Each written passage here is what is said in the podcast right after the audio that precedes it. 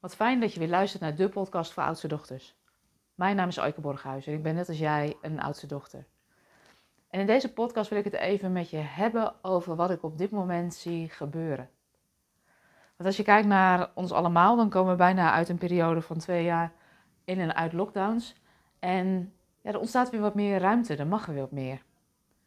En aan de ene kant is dat heerlijk en geniet ik daar ook zelf van. En aan de andere kant kan het ook wel eens wat overweldigend zijn. Want als je niet uitkijkt, zitten je hele weekenden van vrijdagavond tot zondagavond vol met allemaal leuke dingen.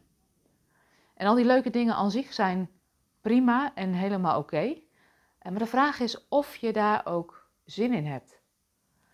Want als ik kijk naar wat de afgelopen twee jaar voor veel mensen wel heeft opgeleverd, is dat je uh, meer in verbinding bent gekomen met jezelf.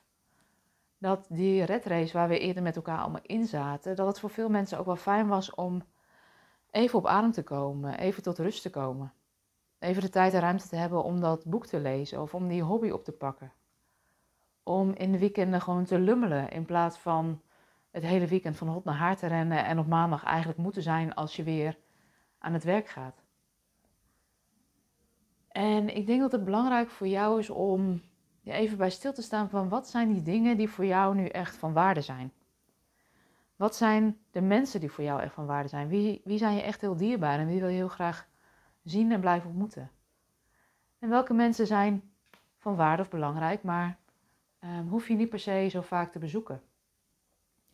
En als ik kijk naar mezelf, dan was dat bijvoorbeeld voor corona al zo, is dat ik zelf niet zoveel heb met verjaardagsfeestjes. Ik merk dat um, me vaak veel energie kost, uh, dat de jarigen met wie ik, ja, voor wie ik eigenlijk naar die verjaardag ga, dat je die eigenlijk helemaal niet spreekt. Um, en dat je met een deel van de andere gasten wel beleefde gesprekjes voert, maar ja, dat het vaak wat aan de oppervlakte blijft. En als ik kijk naar mezelf, dan hou ik gewoon van lekker de diepte in. En daar zit niet iedereen op te wachten, wat ook helemaal oké is. Um, als je niet uitkijkt, dan ben je hele weekenden bezig met allerlei verjaardagen afkleppen. En de vraag is of je dat wil. En als ik kijk naar mezelf, wat ik, uh, uh, wat ik daar zelf bijvoorbeeld anders in doe, is dat ik uh, niet altijd naar al die verjaardagen ga. Maar dat ik dat maar met een klein select clubje familie en vrienden doe. En wat ik daar tegelijkertijd wel bij doe, is ja, de mensen laten weten dat ze van waarde voor me zijn of belangrijk voor me zijn. Dus ik spreek veel liever één op één met ze af. Dus in plaats van naar een verjaardag te gaan, gebeurt het ook nog wel eens dat ik een vriendin zeg van... hé, hey, weet je, zullen we samen uh, een stuk gaan wandelen? Of zullen we samen ergens gaan lunchen? Of zullen we samen iets leuks gaan doen? En wat ik merk is dat die sessies of die afspraken met die vrienden uh, of vriendinnen veel waardevoller zijn, omdat er veel meer diepgang in zit, omdat er veel meer verbinding in zit. En als ik kijk naar mezelf, dan uh, deed ik dat voor corona eigenlijk al. Maar ik merkte ook laatst weer dat ik zelf ook even moest kijken van, hé, hey, hoe wil ik dit eigenlijk? Wat wil ik eigenlijk? En als ik kijk naar onszelf, we hebben een, uh, een brandweerbus gekocht vorig jaar, die we nu zijn, aan het opknappen zijn tot een camper. Dus dat betekent dat ik een aantal weekenden gewoon geblokt heb. Zo van dat weekend zijn we er gewoon niet. En um, ja, iedereen vindt dat eigenlijk ook wel oké.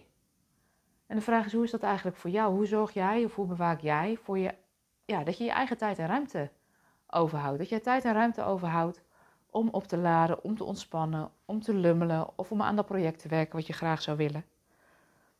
Dus ja, eigenlijk de boodschap van, ja, in zo'n wereld waarin er gewoon weer veel meer kan, um, sta je stil bij wat jij eigenlijk wil. Wat is van jou van waarde?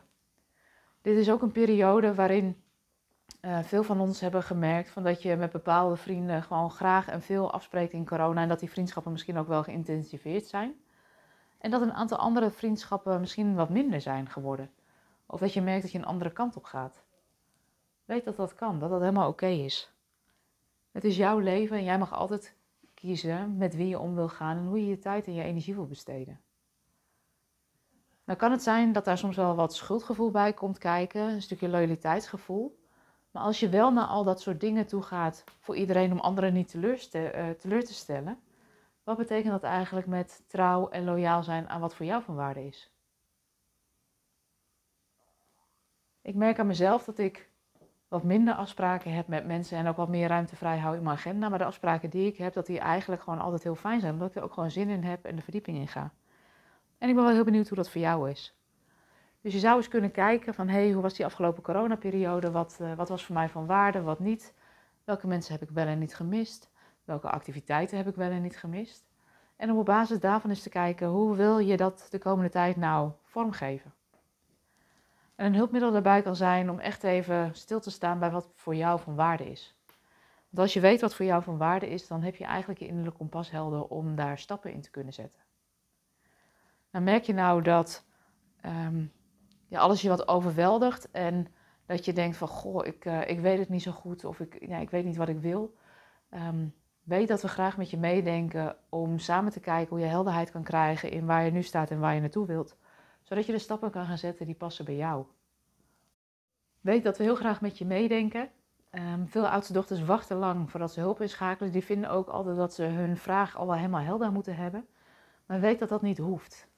Als je het gevoel hebt van, goh, weet je, ik zou wat anders willen en ik weet niet zo goed wat. Um, weet dat we graag met je meedenken en met je in gesprek gaan in een vrijblijvend gesprek. En dat levert je in ieder geval helderheid op. Nou, hoe kom je nou in aanmerking voor zo'n gesprek? Wat je zou kunnen doen is even een kijkje nemen op de website www.oudstedochter.com gesprek. En uh, daar kun je een gesprek met ons aanvragen. En dan kijken we even of Ariane in gesprek gaat met je of, uh, of ik. En uh, ja, weet dat we je graag op moeten helpen. Voor nu wensen we je een hele fijne dag en tot de volgende podcast.